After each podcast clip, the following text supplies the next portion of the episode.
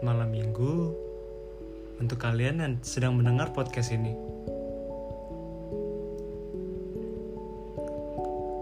Perkenalkan gua David Robinson dengan cerita malam minggu. Oh iya, gue mau nanya. Gimana kabar kalian? Gimana kabar hubungan kalian? Semoga hubungan kalian tetap harmonis ya. Tidak ada rasa yang saling egois.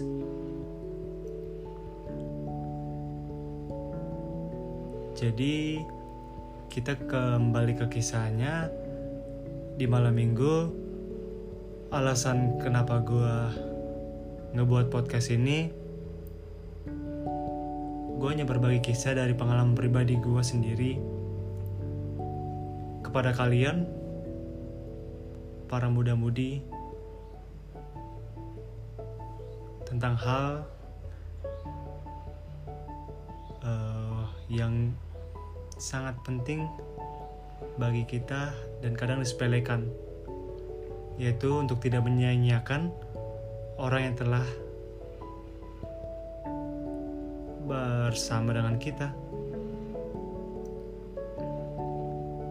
Gue gak menyudutkan ini untuk cowok. Gue juga gak menyudutkan ini kepada wahai kalian perempuan di luar sana.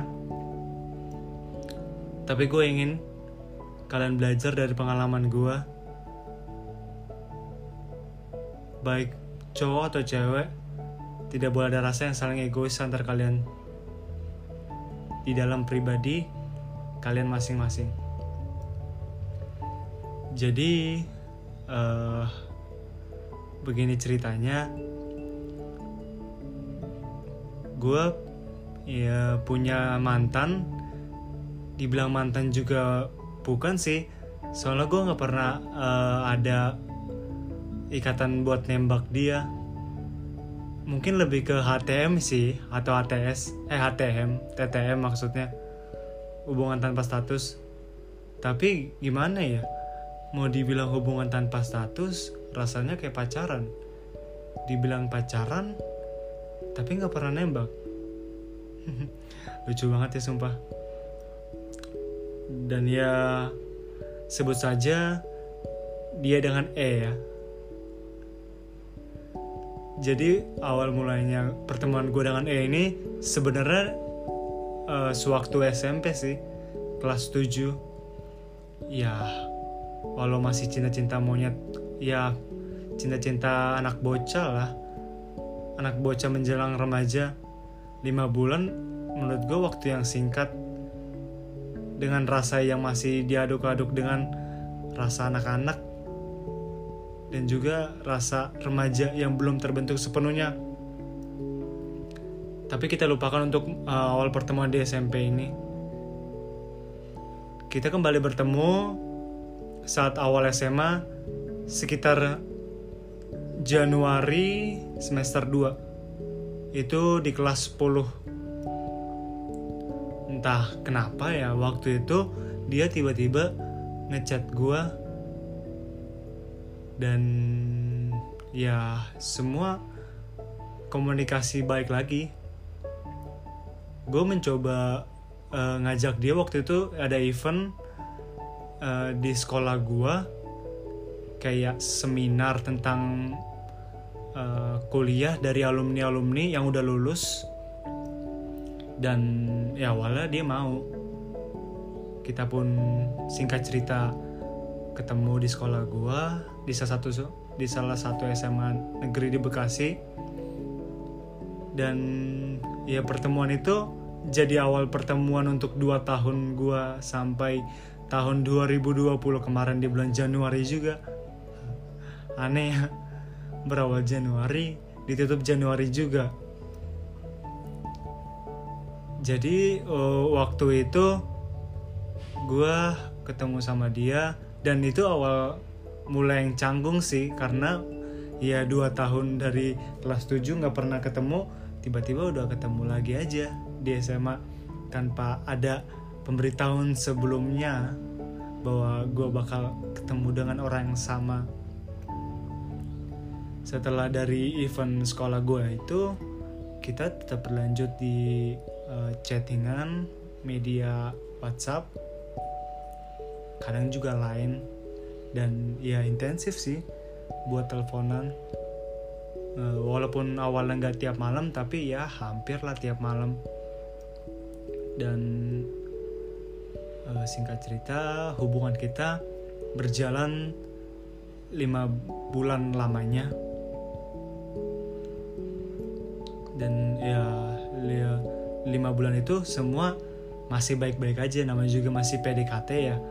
Semua masih uh, ya nggak ada problem. Happy happy aja. Ya serasa dunia milik berdua lah.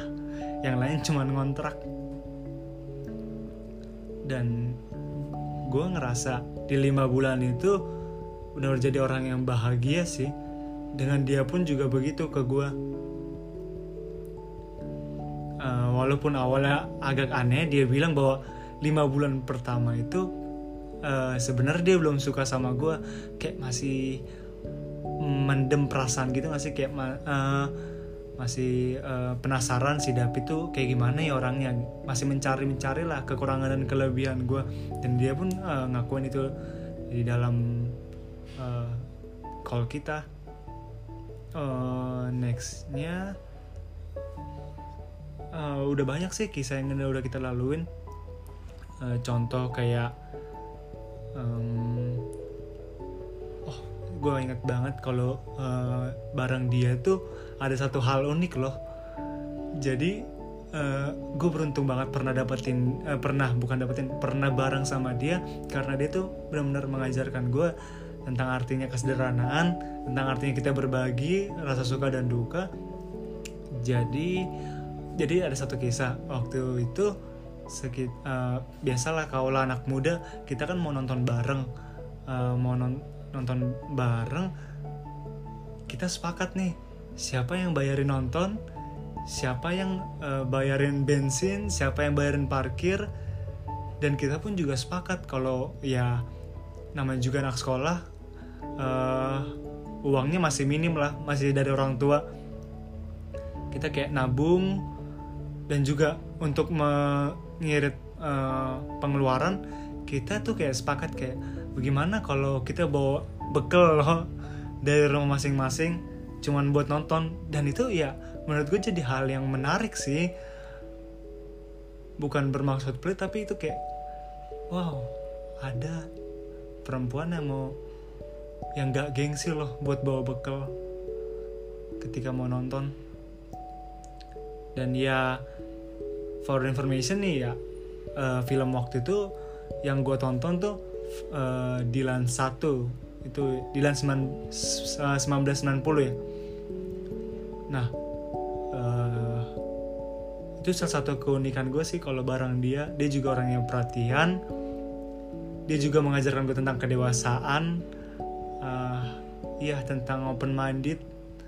Bahwa segala sesuatu tuh gak harus diselesaikan dengan emosi loh. Segala sesuatu tuh gak harus diselesaikan dengan keributan bisa diselesaikan dengan baik-baik.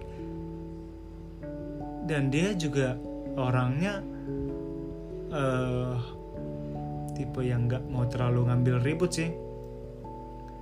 Dan berjalan waktu juga banyak kisah yang kita lewatin seperti ya hal unik juga. Kita kayak beberapa kali lomba bareng loh. Gue inget banget satu kisah yang pernah gue lakuin bareng dia jadi waktu itu ada perlombaan dia kan sering ikut lomba mading. Uh, waktu itu ada lomba mading di salah satu SMA negeri di daerah Kabupaten Bekasi. Awalnya gue kan tipe orang yang bucin ya. Jadi gue mikir nih gimana caranya gue bisa nemenin dia lomba tanpa gue harus nunggu ya nunggu lama dari jam 7 sampai jam 3 sore loh buat pengumuman lombanya. Jadi akhirnya gue bela-belain ikut salah satu mata lomba. Waktu itu singkat gue tutur sejarah deh. Gue bela-belaan uh, ikut itu cuman demi uh, ya bucin berdua sama dia. Ya demi demi ya berdua sama dia. Semua gue lakuin. Dan itu merupakan nah dan itu waktu itu kayak hal yang gila banget sih menurut gue gue nggak ada persiapan uh, tetap harus bayar uang pendaftaran. Cuman demi berdua sama dia bucin sama dia. Gila gak sih itu? Bucin yang yang ya aduh yang sehat kali ya. Tapi ya dan puji Tuhan uh, kita berdua bisa uh, dap menang di mata lomba kita masing-masing. Dia di mata lomba mading sejarah dan gue di tutur sejarah. Itu jadi momen yang menurut gue gak bisa dilupain sih. Karena berkesan loh di hidup gue dari awalnya yang daftar hanya sekadar ingin nemenin dia lomba doang bisa jadi iya puji Tuhan juara di lomba yang gue pilih. Tuh kacau sih dan ya hari-hari kita lakuin seperti pasangan pada umumnya. Main ke rumah ngapel jalan nonton dan foto box. Hmm, selain itu juga kayak contoh uh, olahraga bareng sore di lapangan serbaguna kalau kalian tahu ya lapangan serbaguna yang depan Bella. Dan ya semuanya kita lalui selama kurang lebih dua tahun itu. Jadi oh ya gue uh, uh, start sama dia tuh tahun 2018 bulan Januari. Dan ya harus ending di 2020 bulan Januari juga. Ya kalau bisa dihitung dua tahun lah ya puji Tuhan. Dan ya seringnya jalan namanya juga uh, hubungan pasti ada kalanya baik ada kalanya buruk ada kalanya bahagia ada kalanya ketawa ada kata ada kalanya sedih. Uh, dan di situlah gue satu titik jadi uh, seseorang yang benar-benar bodoh gue menyanyiakan dia yang begitu baiknya sama gue dengan kesalahan yang nggak bisa gue sebutin mohon maaf di podcast ini. Dan ya kesalahan itu buat gue jadi kehilangan dia sepenuhnya. Gue kehilangan dia yang tiap malam uh, kolan teleponan yang tiap malam ngabarin tiap saat ber kita saling berkabar gue kehilangan dia benar-benar dia yang perhatian dia yang ya benar benar-benar ada buat gue di kala suka dan duka. Ada ada di saat gue sedih ada di saat gue terpuruk ada di saat gue bahagia ada di saat gue cemas. Dia benar-benar hmm, ya ada di dalam hidup gue dan ya kesalahan itu jadi titik balik buat gue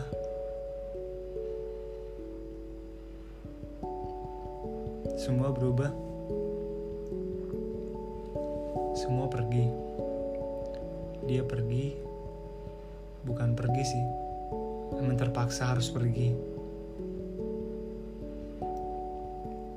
Dia jadi orang yang berbeda sama gue dan gue mengakui itu. Itu salah gue ngakuin apa yang gue lakuin itu salah dan gue terima apa adanya. Sampai akhirnya kita benar-benar karena sering ribut sering cekcok satu sama lain kita memutuskan buat pisah dan lost contact pada bulan Januari itu. Gue di blok dan gue terima. Dan itu emang harus resiko yang gue tanggung sempat gue coba dengan kontak lain tetap aja di blok sama dia hingga akhirnya dia uh, hehe sorry. Hmm, gue di blok ya semua pokoknya jadi uh, kacau. Udah nggak tahu lagi benar-benar sebodoh itu gue harus ngelakuin pada orang yang benar-benar setia sama gue dan sekarang dia udah berubah bukan jadi orang yang gue kenal lagi. Gue benar-benar jadi orang yang gak dikenal sama dia.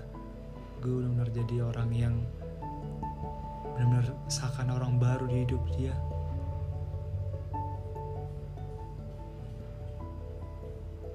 gue sia-siain dia dengan sifat bodoh gue ya dan ya satu hal yang pengen gue bilang tolong untuk setiap orang hargai dia selain ada, eh selagi ada. Hargai sayangi. Jangan sampai lu nyesel ketika semuanya udah berubah. Lu nyesel ketika dia udah nggak jadi orang yang dulu lagi. Gitu aja sih dari gue mohon maaf kalau gue udah salah kata ya. Dan mohon maaf kalau cerita gue kurang menarik.